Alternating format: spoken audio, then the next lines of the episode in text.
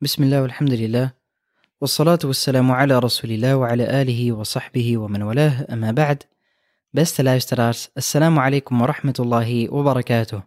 Welkom bij de Ramadan Adviezen, dag 30. In deze laatste aflevering van onze reeks wil ik stilstaan bij het feliciteren.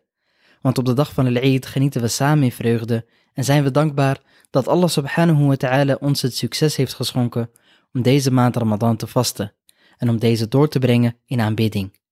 En dat gevoel van vreugde en dankbaarheid deelt men door elkaar te feliciteren en mooie dingen toe te wensen.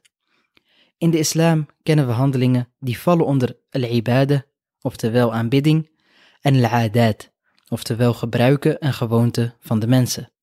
Deze adat kunnen verschillen van land tot land en van stad tot stad. Het zijn de gewoontes en tradities waar mensen in een bepaald gebied aan gewend zijn geraakt. De islam geeft dan ook ruimte aan deze verschillen en gebruiken.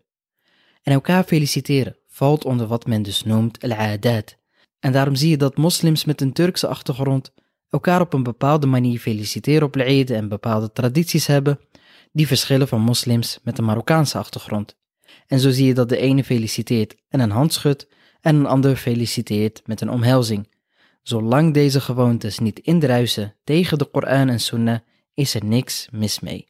En omdat het feliciteren dus onder de adat valt, is er niet een specifieke manier om elkaar te feliciteren op Eid.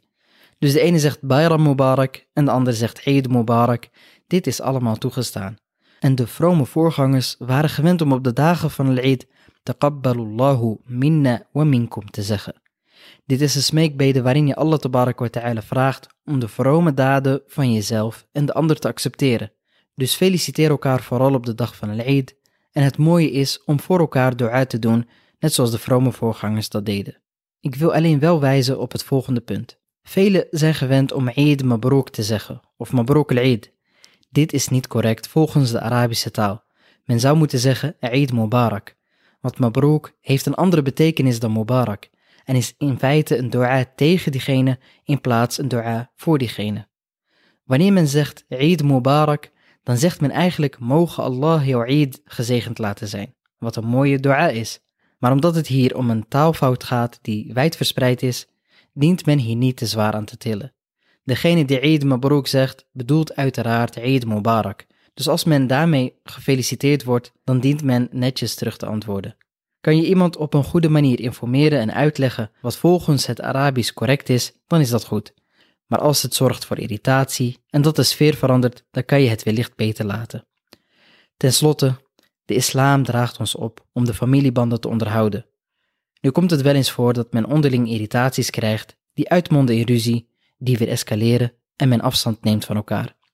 Weet dat Allah van verzoening houdt en ons aanspoort om excuses voor elkaar te zoeken. De mens kan gemeen zijn en kan onrechtvaardig zijn, maar probeer dingen door de vingers te zien en altijd de beter te zijn in een conflict. De dag van Eid is bij uitstek een dag om te verzoenen. Beste luisteraars, dit is de laatste aflevering van de Ramadan Adviezen van dit jaar.